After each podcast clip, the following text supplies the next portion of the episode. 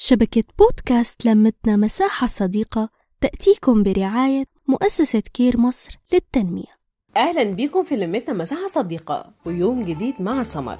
الجو اليومين دول حر قوي وأولادك مش بيقدروا ياكلوا الخضار على الغدا. حرانين مش قادرين يستحملوا. وعشان حاسة بيكي تعالي اقولك تعملي أسهل بيتزا ممكن تقابليها. الكل هيحبها وبيتزا كمان ومش هتاخد وقت منك خالص. عشر دقايق بالكتير. المقادير موجودة عندك. يلا افتحي الضرفة وطلعيها يلا بسرعة. اتنين كوباية من الدقيق مية دافية وممكن تعملي mix ما بين مية ولبن. ذرة ملح معلقة كبيرة ممسوحة من الخميرة الفورية. معلقة صغيرة baking powder ومعلقة سكر.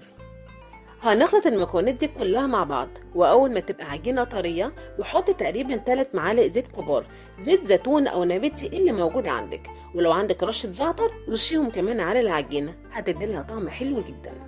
هنغطيها ونسيبها تخمر بس لحد ما أجهز بقية الحاجات.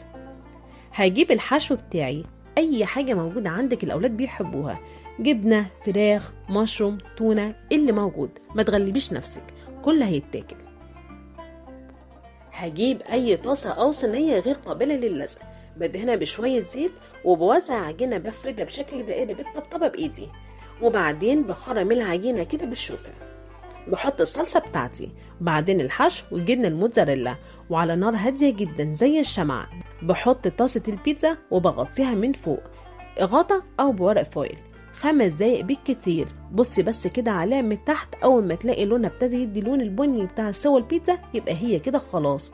وكمان مش هتحتاجي تحطيها تحت شوية عشان الجبنه تسيح هتلاقي كل حاجة ساحت وهدوقي أسهل وأحلى بيتزا ممكن تقابليها.